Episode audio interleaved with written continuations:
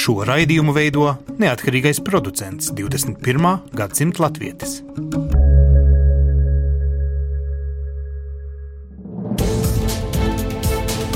Septiņas dienas Eiropā piedāvā Eiropas radiotīkls Eironet.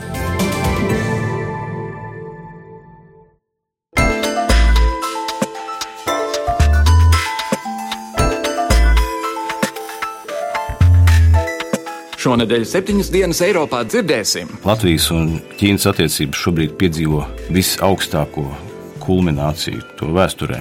Skaidrs, ka Londona pārdzīvos arī Brexit.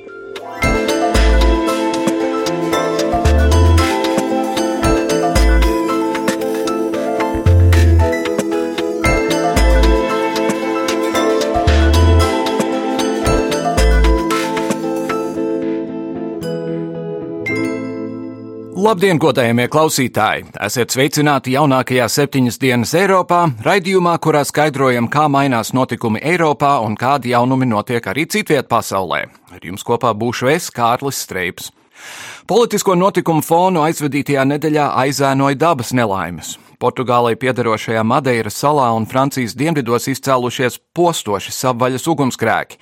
Kā allaž, šādās nelaimēs atrodas ļaundari, kas tos izmanto mankārīgos nolūkos un palīdz liesmām izplatīties iekārojamos zemes gabalos ar domu tos apbūvēt pēc ugunsgrēkiem. Tikmēr Funšelas un Marseļas piepilsētu iedzīvotājiem nācās domāt, kā glābt savu iedzīvi. Spītējot vasaras beigām, karstas pārmaiņas mums sola Krievijas un Ukrainas attiecības. Ukrainas prezidents brīdina, ka Krievija gatavojas iebrukumam Ukrainā, kamēr Krievija paziņojusi, ka neredz jēgu turpināt sarunas par mieru Austrumukrainā. Tas viss, protams, notiek laikā, kad vizītē Krievijā pabijis Turcijas prezidents Reģeps Tajips Erdogans. Viņš savukārt apvainojies uz rietumvalstīm, kuras it kā atbalstījušas valsts apvērsuma mēģinājumu Turcijā. Kamēr šīs farsas turpinās, sociālajos tīklos jokot, diktatoriem vienam ar otru jādraudzējas. Šoreiz pat netraucēja tas, ka Turcija pagājušajā gadā notrieca Krievijas kara lidmašīnu. Vladimirs Putins pēc incidenta solīja pārdarījumu nekad neaizmirst, bet tā tas bija tikai līdz pagājušajai nedēļai.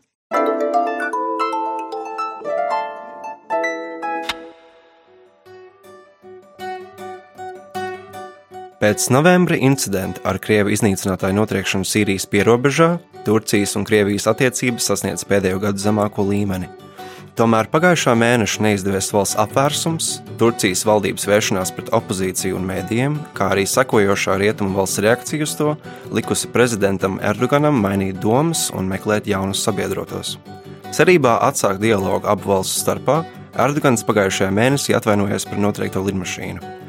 Turklāt nesen no viņa izskanējis viedoklis, ka rietumi esot atbalstījuši apvērsumu rīkotājus, vēl vairāk sācinot attiecības ar sabiedrotajiem NATO. Savukārt, Krievijas valdība pēc apvērsuma mēģinājuma steigšus izmantojusi izdevību, paužot atbalstu ievēlētajai Turcijas valdībai. Abu valstu līderi pagājušo nedēļu tikās Sanktpēterburgā, lai apspriestu ekonomiskās sadarbības un kopīgu enerģētikas projektu atsākšanu. Lai arī tūlītējas pārmaiņas abu valstu attiecībās nav gaidāmas, šis atpūsnis daudziem raisa bažas par Turcijas straujo virzību tālāk no Eiropas Savienības, kā arī par Vladimira Putina motīviem. Vairāk stāsta analītiķu grupas Eurasia Group, Krievijas ārpolitikas pētnieks Aleksandrs Kliments. Really that, uh, Manuprāt, Erdogana vizītei ir divi skaidri mērķi. Pats pirmais un svarīgākais ir panākt to, lai Krievija samazina ekonomiskās sankcijas, kas pret Turciju tika izvirzītas pēc tam, kad Turcija notriec Krievu militāro lidmašīnu. Vienlaikus es domāju, arī ģeopolitiskas intereses spēlē lomu šajā vizītē.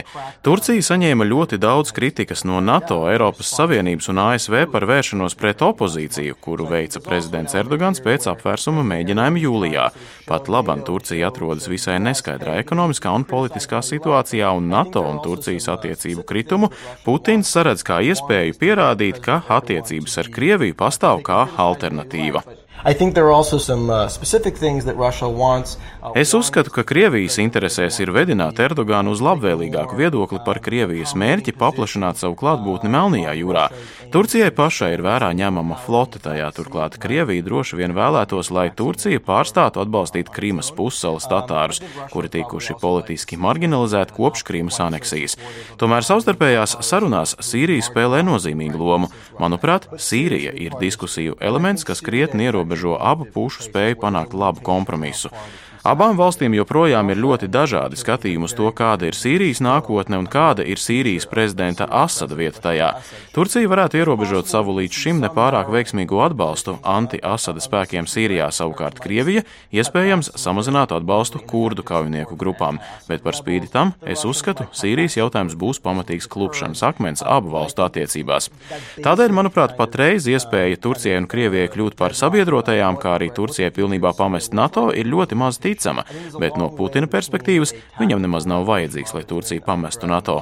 Viņam ir vienīgi vajadzīgs radīt pietiekami lielas šaubas dalību valstu vidū par alianses mērķi un dzīvotspēju, lai tās sāktu prātot, vai tajā vispār ir vērts piedalīties. All he needs is, is, to raise enough doubts about the coherence and purpose of the alliance that individual member states wonder whether the project is worth carrying on at all. Brexit, gluži kā līgo, jau palikuši tālākā atmiņā, bet sarunas, kas ietekmēs Lielbritānijas nākotni un to, vai Londona paliks vai nepaliks Eiropas Savienības sabiedrotā, tikai sākas. Ekonomisti jau sāk brīdināt, ka Lielbritānijas galvenā uzmanība ir jāvelta tās lielākā dārguma saglabāšanai, un tas ir Londonas finanšu centrs. Dažkārt vienkārši sauktu par Citiju, tā nodrošina Lielbritānijas ekonomikai lielu daļu ieņēmumu. Lielbritānijas rūpniecība ir mazāk attīstīta nekā finanšu pakalpojumu joma, tādēļ bažas par valsts nākotni un piekļuvi Eiropas vienotajam tirgum ir likušas skudriņām noskriet pāri investoru mugurām. Mēļo, ka lielajos Londonas finanšu centros samazinās strādājošo skaits un bankas vai konsultāciju firmas sāk samazināt savas īres platības. Kas notiek ap Lielbritānijas finanšu centru un kādas ir iespējas, ka tas tiks pasargāts batālijās Briselē, vairāk manas kolēģis Ievas Valēnis sagatavotajā sižetā.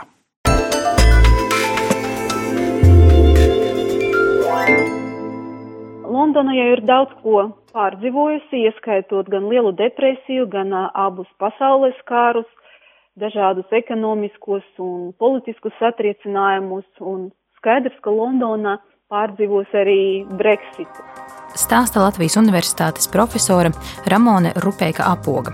Londonas City ir pilsētas vēsturiskais centrs, kas šobrīd kalpo arī par lielāko Eiropas finanšu centru. Profesori norāda, ka Londona ir arī lielākais pasaules finanšu centrs, jo Ņujorka, ko parasti min kā vienu no lielākajiem, ir vairāk orientēta uz ASV iekšējo tirgu. Ja mēs runājam par Londonu, tad tas ir globāls finanšu centrs, un tas nozīmē, ka Tas ir sistēma veidojošais centrs, kas nosaka spēles noteikumus un standārtus citiem finanšu sistēmas dalībniekiem. Gribu atzīmēt, ka Londonā arī ir tiešām startautiskais centrs, kas apkalpo ne tikai Eiropu, bet arī Amerikas un Azijas finanšu iestādes izmanto Londonu kā centru, lai veiktu darījumus Eiropā, tuvos austrumos, Āfrikā un citur. Līdz šim Londonas City bijusi līdere fondu biržas un naudas tirgū. Londonā bāzējas arī ļoti spēcīgas komercbankas un vieni no ietekmīgākajiem investīciju banķieriem pasaulē. Londonas City, kas aizņem vienu nepilnu kvadrātjūdzi no plašās Londonas teritorijas, ir ne tikai nozīmīgs pasaules finanšu centrs, bet arī Londonas ekonomikas sildītājs. Turpina Sebankas ekonomists Dainis Gašpuitis. Kopumā gan jāsaka, ka šī ietekme ir aptuveni tikai 3% no kopējā Lielbritānijas IKP. Un, ja skatāmies, tad tas būtu vērtējums kā salīdzinoši neliels, bet Londona kopumā veido aptuveni vienu piekdaļu no visas Lielbritānijas IKP. Un, bet, ja mēs izceļam, cik tad dod, piemēram, šis London City, Londonas ekonomikā, tad tie ir 17% no Londonas ekonomikas. Par cik Lielbritānija ir viena no Eiropas brīvā tirgus dalībniecēm, daudzi starptautiski uzņēmumi Londonu izmanto kā vārtus uz pārējo Eiropas Savienību. Šobrīd, kad sarunas par Eiropas Savienības un Lielbritānijas šķiršanos vēl nav oficiāli sākušās, ir grūti pateikt, vai pēc Brexita vārti paliks vaļā. Jau ilgi pirms oficiālas referenduma izsludināšanas daudzi mediji un eksperti brīdināja, ka Londonas Citijai izstāšanās no Eiropas Savienības neko labu nenesīs. 24. jūnijā vairāk nekā 75% Londonas Citijas iedzīvotāji nobalsoja par palikšanu Eiropas Savienībā. Tomēr Citijas iedzīvotāju skaits ir tik mazs, ka referenduma rezultātu ietekmēt nespēja, taču ar tām sekām jārēķinās arī Citijas biznesmeņiem. Šobrīd tas, kāda Londona izskatīsies pēc diviem, trim gadiem, kad Britiem teorētiski būtu jāizstājas no Savienības, ir atkarīgs no tā, kādu vienošanos Terēzes Meijas valdība spēs panākt. Nesen veiktā aptaujā Vācijas, Francijas, Spānijas un Itālijas iedzīvotāju vairākums norādīja, ka vēlas redzēt smagus izstāšanās nosacījumus Britiem. Jāpiebilst, ka paši Briti līdzās Ungāriem un Poļiem vēlas redzēt labvēlīgus nosacījumus šī gadsimta iespējams lielākajā šķiršanās prāvā. Taču, kamēr nav uzsāktas oficiālas sarunas, visas iespējas paliek atvērtas. Ja Briti nespēja vienoties par palikšanu brīvajā tirgu, ļoti iespējams, ka Dublina varētu pārņemt Londonas kā Eiropas finanšu centra vietu. Ramona Rupeika apoga norāda, ka konkurence starp finanšu centriem pasaulē ir ļoti sīva. Ja nākotnē Lielbritānija nebūs Eiropas Savienība, ir diezgan skaidrs, ka daļa no eiro denominēta biznesa un aktīvu pārvaldības tiks novirzīta Eiropas Savienības iekšienē. Un uh, vairākas finanšu kompānijas, arī parastas kompānijas, kas bazējas Londonā vai kas veica savus darījumus caur Londonu, aizies uz Frankfurti, Dublinu, Parīzi, Amsterdamu un Luksemburgu. Un tas, protams, samazinās uh, darījumu apjomus, kas tika veikti caur Londonu. Un tādā veidā Londonas pozīcijas pavaināsies. Jau šobrīd ir jūtama Londonas Citijā gaidāmā Brexit ietekme. Biroja īres cenas nokritušas par vairāk nekā 6% un sasniegušas nesenās ekonomiskās krīzes līmeni. Aģentūra Bloomberg ziņo, ka Citijas investori uztraucas, ka īres cenas turpinās krist un biroji atbrīvoties. Protams, visi iezīmētie nākotnes scenāriji nav drūmi. Turpina Sebbankas ekonomists Dainis Gašpuitis kopumā es domāju, ka globāls finanšu centrs viņš saglabāsies, varbūt netik lielā mērā, jo, ja paskatāmies vēsturē, tad lielos vilcienos šī izaugsme balstījās tajā, ka City ļoti veiksmīgi izmantoja tās grūtības, kas radās Amerikā, iegrožojot finanšu sistēmu, kas meklēja labākus apstākļus un labāku vietu savai attīstībai un pārcēlās uz turieni un kas varētu, zinām, mērā arī, skat, ja mēs skatāmies šajā vēsturiskajās paralēlēs, tad varētu arī īstenoties arī attiecībā uz City nākotni. Nākotnē Londona varētu kļūt par starpnieci starp Šanhaju un Ņujorku. Tāpat Londona varētu noturēt savu pozīciju, attīstot jaunus biznesa modeļus, piemēram, piedāvājot ar mākslīgo intelektu saistītus pakalpojumus. Taču gal galā viss ir atkarīgs no tā, kāda būs situācija Eiropā pēc Brexit un kā Londonas City spēs tai pielāgoties.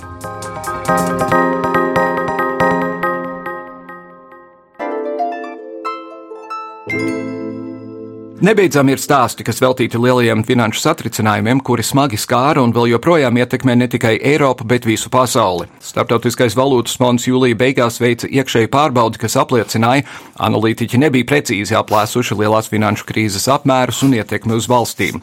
Tas gan nemaina stagnāciju, kas vēl joprojām neļauj Eirozonas vai visas Eiropas ekonomikai iegūt jaunu elpu. Ne tikai Latvijā, bet arī Eiropā bieži piemin, ka panākuma atslēga jāmeklē austrumos, lielākajā pasaules valstī Ķīnā. Cik liela ir un var būt Ķīnas ietekme uz Eiropas un arī Latvijas ekonomiku, tas ir mūsu šīs dienas temats. Jautājumu studijā izrunāt esam uzaicinājuši ārlietu ministrijas Āzijas un Okeānijas valstu nodaļas vadītāju Egilu Dzelmi. Labdien! Labdien. Un ekonomikas un vadības zinātniskā institūta pētnieku Aldi Buli. Labdien. Labdien jums abiem! Dzemskungs, kā mēs varam raksturot Latvijas attiecības ar Ķīnu pat labam? Te man jāsaka tā, ka Latvijas un Ķīnas attiecības šobrīd piedzīvo visaugstāko kulmināciju to vēsturē. Jo tās tika dibinātas 1991. gada 12. septembrī. Te es vēl gribētu piezīmēt arī to, ka mūsu attiecības vienmēr ir bijušas ļoti konstruktīvs un pragmatisks, balstoties uz to, ka Ķīna nekad nav atzinusi Latvijas inkorporāciju Padomju Savienībā.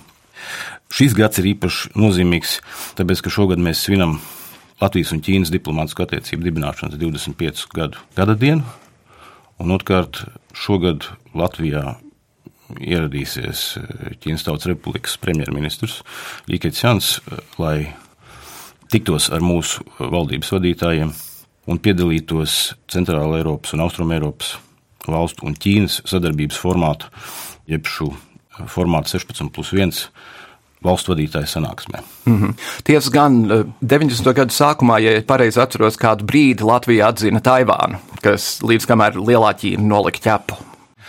Arī šobrīd Latvijai ir attiecības ar Taivānu, bet tāpat kā visas Eiropas Savienības dalību valstis, Latvija pieturās pie vienas Ķīnas politikas.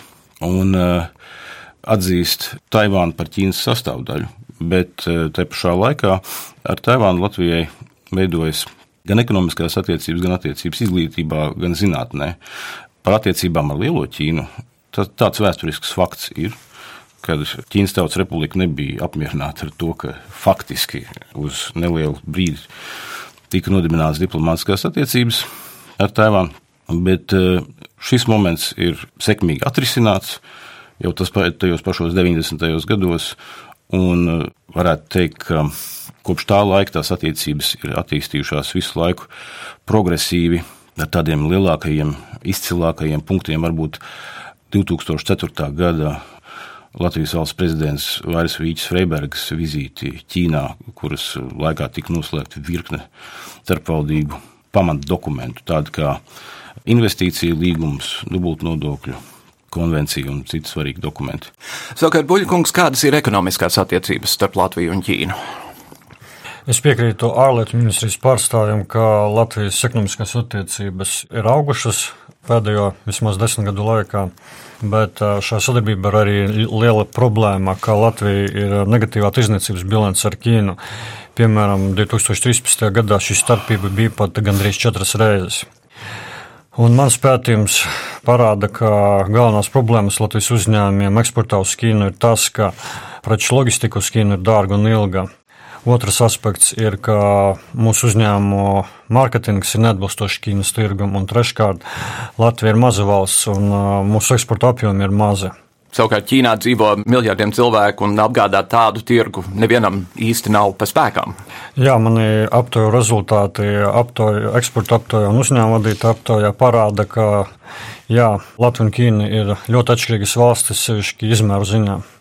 Es tikai gribēju papildināt Buļbuļs kungu teikto par to, ka jā, tiešām potenciāls ekonomiskai sadarbībai ir milzīgs.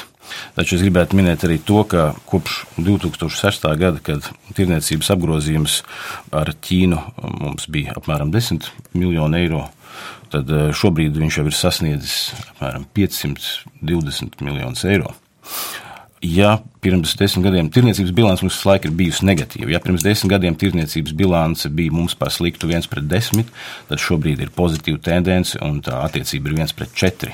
Tas atkal liecina par to, ko es teicu jau iepriekš, ka mūsu attiecības ir visaugstākajā punktā un pagaidām viņas turpina augt. Te es piekrīstu Buļļa kungam, protams, par mārketingu, piemēram, trūkumu vai nepietiekamību. Un vēl es gribētu piebilst, ka lielākā daļa no mūsu eksporta, apmēram 40%, ir koka eksports. Un uh, lielā daļā tas ir vai nu neapstrādāts apaļkoks vai pirmotnēji apstrādāts koks. Tur mums ir liels iespējas turpināt uh, attīstīties un meklēt sadarbības iespējas, bet tā runa tieši par tirdzniecību. Ko Ķīna sūta mūsu virzienā? Pasaulē vispār ir pieņemts uzskatīt, ka tās ir tādas lētas preces, tādi krāmi, Patiesībā, ja paskatās tirdzniecības bilanci pa preču grupām un uh, importu no Ķīnas, tad uh, šī aina tāda nav nemaz tik vien, viennozīmīga, jo mēs importējam visvairāk mašīnas, mehānismus un elektriskās iekārtas, dažādas rūpniecības preces un plasmasas un gumijas izstrādājumus. Jā, var piekrist, ka šīs veikalu plauktos ir lētākās preces no iespējamām alternatīvām, bet šie ražojumi ir uh, sarežģīti un ķīmiskā rūpniecība, vai dažādas iekārtas, sadzīvē, elektronika. Mums liekas, ka tās ir lētākās preces, šīs preces dominē, bet tās nav vienkāršas preces. Vai pasaulē vispār ir kāda valsts, kurai ir pozitīva tirdzniecības bilance ar Ķīnu? Tirzniecībā ar Ķīnu pozitīvais piemērs ir Vācija.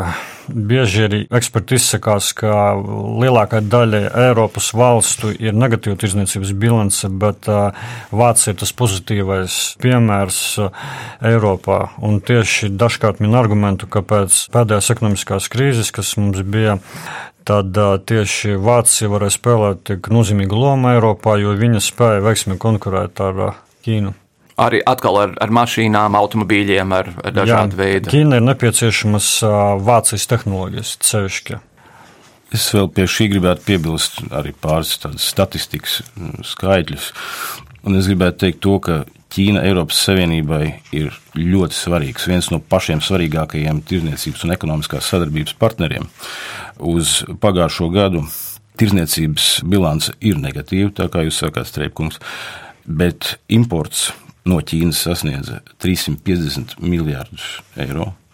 Un eksports savukārt eh, sasniedz 170 miljardus eiro. Tas ir Eiropas, visā Eiropā. Visa mhm. Eiropa -hmm. kopā.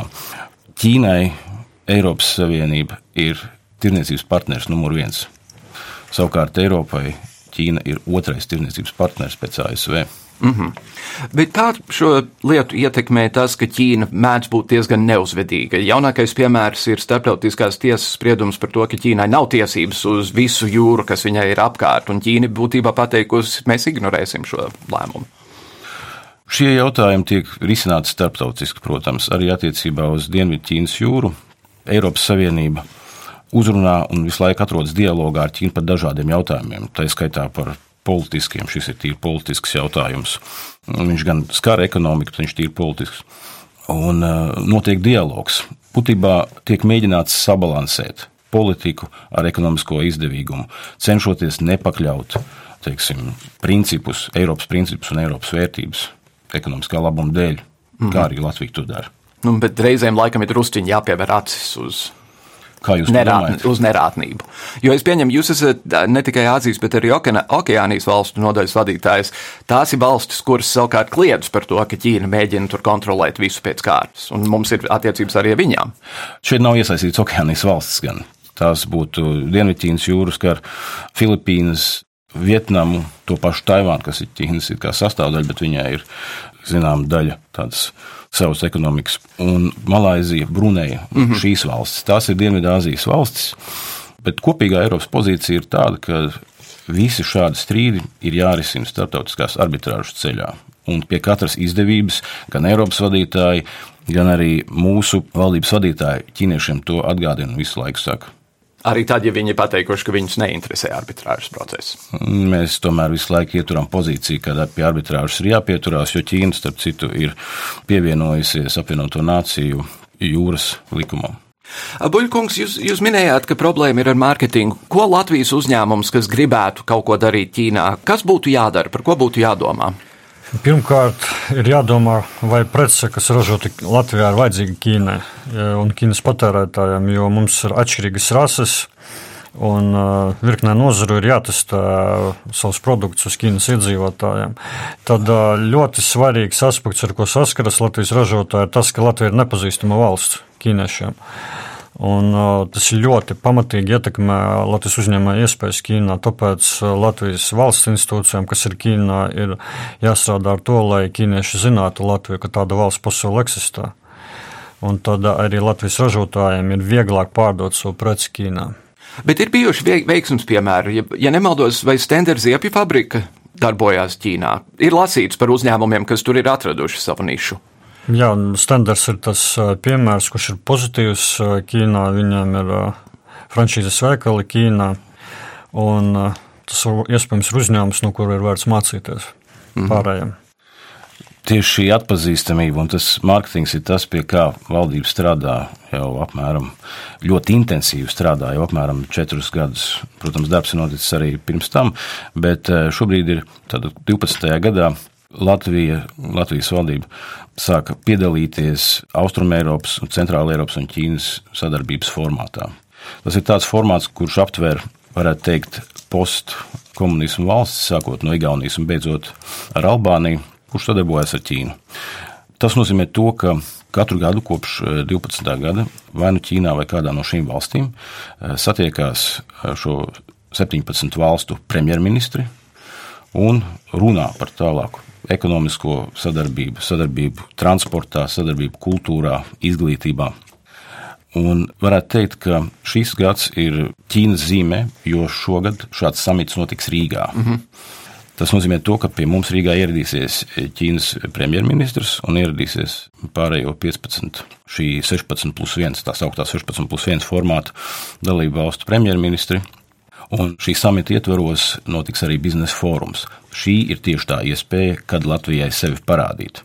E, jo šīs vizītes ietvaros tātad būs gan divpusējā vizīte, Ķīnas premjera tikšanās ar Latvijas premjeru, paredzēta arī tikšanās ar mūsu prezidentu. Starp citu, pirms mēneša Ķīnas premjeras un, un prezidents Vējons tikās ASEM dalību valstu samitā Ulanbatorā. Tā kā tie kontakti ir nodibināti ļoti augstā līmenī. Un eh, tas, ko mēs grasamies šī samita un šī biznesa fóruma laikā darīt, ir piedāvāt visu to, ko mēs varam Ķīnas pusē. Mūsu prioritātes šajā 16 plus 1 formātā ir transports un loģistika. Pirmkārt, tālāk ir tirzniecība, investīcijas, izglītība, turisms, eh, finanses. Šī samita laikā ir paredzēts parakstīt virkni dokumentu sadarbībai, memorandu, saprašanās memorandi, vienošanās par sadarbību gan transportā, gan turismā, gan izglītībā, gan zinātnē, gan kultūrā un virkni citu dokumentu. Tā kā varētu teikt, ka šis samits ir Latvijas lielā iespēja sadarbībai ar Ķīnu. Ja mēs runājam par Ķīnu kā diversifikācijas partneri, tad, protams, Nenoliedzami tas, ko es iepriekš jau minēju, ja Ķīna ir partneris numur divi, tirdzniecības partneris, ekonomiskās sadarbības partneris numur divi, tad es domāju, ka Latvijai arī ir jāizmanto šī iespēja. Un jāveicina sadarbība dažādās formās. Jūs, Treipkungs, jautājāt par tiem veiksmju stāstiem. Stenders ir viens veiksmju stāsts, bet tas, ko mēs esam panākuši šī 16 plus 1 formāta ietvaros, ir vēl vairākas lietas. Viena no tādām spilgtām lietām ir pagājušā gada lauksaimniecības zemkopības atvainojas ministra Jāņa Duklava vizītes laikā Ķīnā tika panākta vienošanās par 10 Latvijas pienražotāju un 11 zivrūpniecības uzņēmumu certificēšanu Ķīnā. Tas dod iespēju mūsu pārtiks ražotājiem ieiet Ķīnas tirgū, un viņi ir sākuši jau to darīt. Piemēram, jau pagājušajā gadā Šanhajas veikalos bija nopērkams Latvijas saldējums. Vienkārši tāds, tāds fakts, bet e, šī sadarbība turpinās un iet uz priekšu. Ar to nodarbojas kompānija, vai drīzāk vairāku kompāniju apvienība, kas saucās Food Union. Tie ir tieši pienrūpniecības uzņēmumi, kas ir apvienojušies, lai eksportētu uz ārvalstīm. Viens no šiem ārvalstu tirgiem ir, ir atrasts Ķīnā. Tātad viens no Food Union uzņēmumiem gatavojas arī investēt Ķīnā, atvērt tur piena ražošanas rūpnīcas. Tā kā šī sadarbība iet uz priekšu, tas ir viens piemērs. Vuļkungs, cik lielā mērā ir taisnība, ka Ķīnas ietekme tautsājumniecībā gan Eiropā, gan pasaulē pieaug un pieaug un pieaug un pieaug? Jā, tā tas ir. Šis fakts ir jau paliek par realitāti pasaulē, ka notikumi Ķīnā, tieši tikai notikumi Ķīnā ietekmē visu globālo ekonomiku. Tā tas notiek. Un, Un ar to nākas rēķināties. Tāpēc nu, Ķīna var rīkoties viena pati, bet tas ietekmē visu pasauli. Un, piemēram, par klimata izmaiņām vienošanās, kad ir jāsamazina emisijas, pasaule bez Ķīnas nav jēgas pieņemt lēmumu. Mhm. Jo Ķīna tik spēcīgi ietekmē procesus pasaulē, ka nav iespējams saturīgi, iekpilni rīkoties globālā līmenī bez Ķīnas piekrišanas un, dažādu, un apņemšanās kaut ko samazināt vai palielināt. Un tad, tāpēc jau bija mana izvēle pirms četriem gadiem rakstīt promocijas darbu par Ķīnas ekonomiku un arī turpināt to darīt tālāk arī Ķīnā, kad es braukšu pēc dažām nedēļām uz Ķīnu. Studēt un strādāt, tad Latviešiem ir nepieciešams vairāk domāt par Ķīnu, kā Ķīnas izaugsmu izmantot Latvijas attīstībai. Dzelmas kungs minēja ļoti daudzām iespējām sadarbībā ar Ķīnu, bet es gribētu akcentēt, ka Latvija savu mazuma dēļ nespēja daudzas iespējas izmantot. Un tas būs ļoti interesanti skatīties, kā Latvija izmantos šīs iespējas, kas mums paveras. Šīs iespējas jau ir sen bijušas, un, ir, piemēram, ja runā par loģistiku un tranzītu, tad izmēģinājuma vilciens no Ķīnas jau ir bijis 2008. gadā. Tas bija veiksmīgs, bet turpinājuma nebija. Nu, tad ir labi, ka mēs jūs noķērām pirms jūs aizbraucāt uz, uz Ķīnu. Un tad pēdējais jautājums, laikam, tādā gadījumā Latvijas uzņēmumiem vajadzētu domāt ne tik daudz par Ķīnas tirgu, bet piemēram par Šanhajas tirgu. Jo pati Šanhaja ir lielāka nekā visa Latvija. Tā varētu būt. Ir iespējams, ka uzņēmējiem ir jāmeklē iespējas apgādāt nevis visu Ķīnu, bet kādu konkrētu provinci vai konkrētu pilsētu. Bet eh, tas, ko tikko Buļbuļkungs minēja par Ķīnas ietekmi, es gribēju minēt tādu lietu, ka Ķīna pēc būtības veids daudzas iniciatīvas, ko varētu nosaukt par jauno pasaules kārtību, vai arī par atkārtoto uh, veco pasaules kārtību. Viena no šādām iniciatīvām ir zīda ceļš, jeb uh, Ķīnas iniciatīva One Belt, One Road, viens mm -hmm. ceļš, viena josla.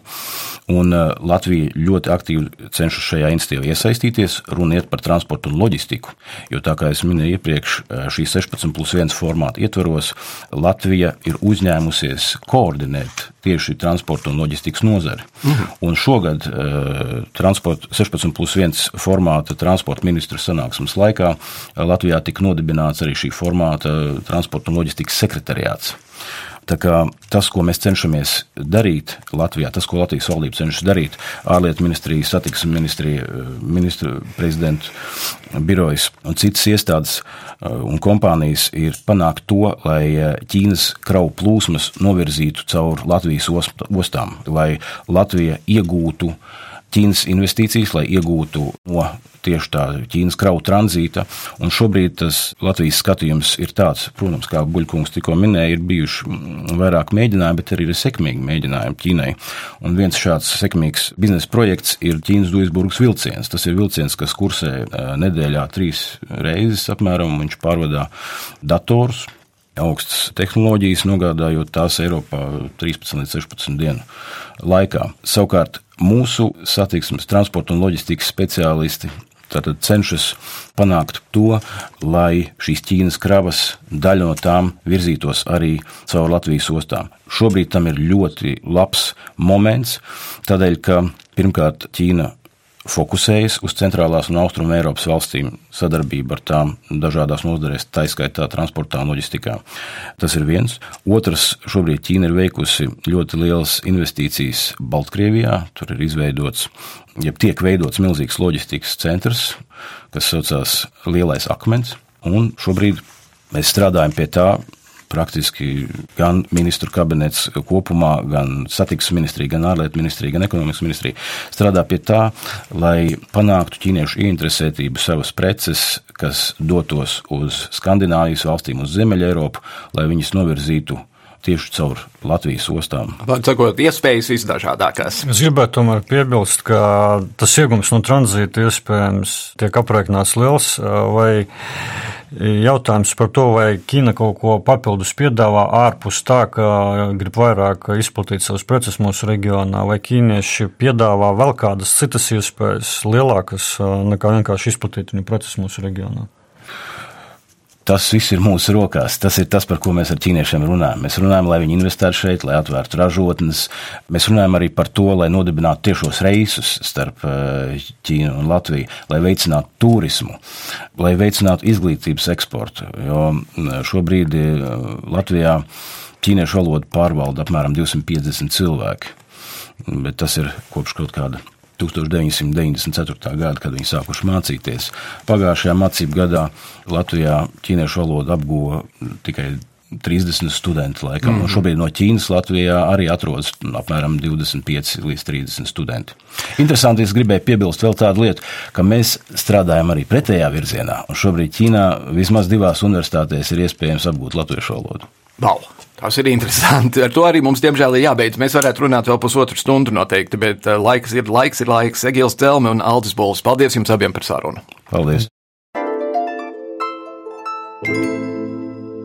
Abrahams Linkolns esot teicis, ka vēlēšanas ir pilnīgi svēta vēlētāju lieta. Ja viņi izvēlas pagriezt muguru ugunsgrēkam, tad pašiem vien nāksies sēdēt apdegušās biksēs. Mēs septiņas dienas Eiropā esam nobežījušies, ka Spānijas vēlētājiem cenšas iegalvot, Bikses vajag apdedzināt nereizi vien. Jau astoņus mēnešus politiskās partijas Spānijā nav spējušas vienoties par valdības izveidi, un arvien lielāka kļūst iespēja, ka Spānijai var nākties jau trešo reizi gada laikā rīkot ārkārtas parlamenta vēlēšanas. Taču pagājušā nedēļā publiskota aptauja liecina, ka jaunas vēlēšanas politisko ainu valstī nemainītu. Turpina politologs Ivars Ijaps. Jebkuras vēlēšanas un jebkuras aptaujas ir divas diezgan atšķirīgas lietas, tāpēc, ka mēs zinām, ka arī Latvijas piemērs mums to daudzkārt atgādina, īpaši, piemēram, attiecībā uz 9. saimnes vēlēšanām 2006. gadā, ka tas, ko liecina aptaujas pirms vēlēšanām, ir tikai varbūt kaut kāda indikatīva zīme attiecībā uz to, kāds būs tas vēlēšana rezultāts. Nu, līdz ar to, protams, tur var būt kaut kāda brīnuma, varbūt tā, ka vienkārši labējo partiju atbalstītāji vienkārši neaiziet un tad iegūst vairākumu. Šis te Podemos kopā ar viņu uh, otru lielāko partiju, kas Spānijā ir bijusi diezgan uh, ietekmīga tradicionāli pret sociāldemokrātiem. Citiem vārdiem sakot, tur ir no nu, dažādi risinājumi vajadzīgi un nu, tādas aptaujas nevienmēr ir mierinājums, jo īstenībā jau ir tikai viena aptauja, kas patiešām skaitās, un tā aptauja tā, kur pilsoņi izdara pie vēlēšanu urnām. Līdz ar to, nu, es pilnīgi saprotu to, ka, nu, Spānijas establishments īsti šobrīd vairs negrib turpināt šo jokošanos un tieši tādēļ, nu, iespējams izveidos kaut kādu daudz maz normālu labēju centrisku koalīciju, kas šo valstu varētu vadīt. Tur ir jāņem vērā, ka Tas arī savā ziņā vieno Latviju un Spāniju, ka Spānijā ir ļoti fragmentāta tā partija politika, un tur ir daudz visādas partijas, tā skaitā reģionālās partijas, tur ir partijas no Kanārijas salām, tur ir partijas no Basku zemes, tur ir, protams, visi katalāņi un tā tālāk. Tā, ka tā spēle pat pa sevi un tā vairākuma izveidošana vienmēr tur ir tāds, nu, diezgan ķēpīgs process, bet es nedomāju, ka Tāpēc tur, nu, Spānijā šobrīd varētu notikt kaut kas briesmīgs.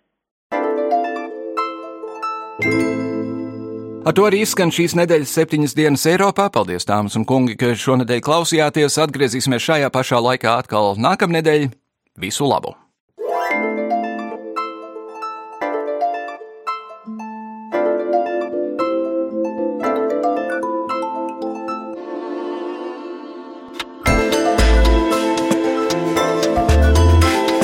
Raidījumu veido Kārlis Streips, Ieva Valēne un Jānis Krops. Raidījuma producents Lukas Rozītis.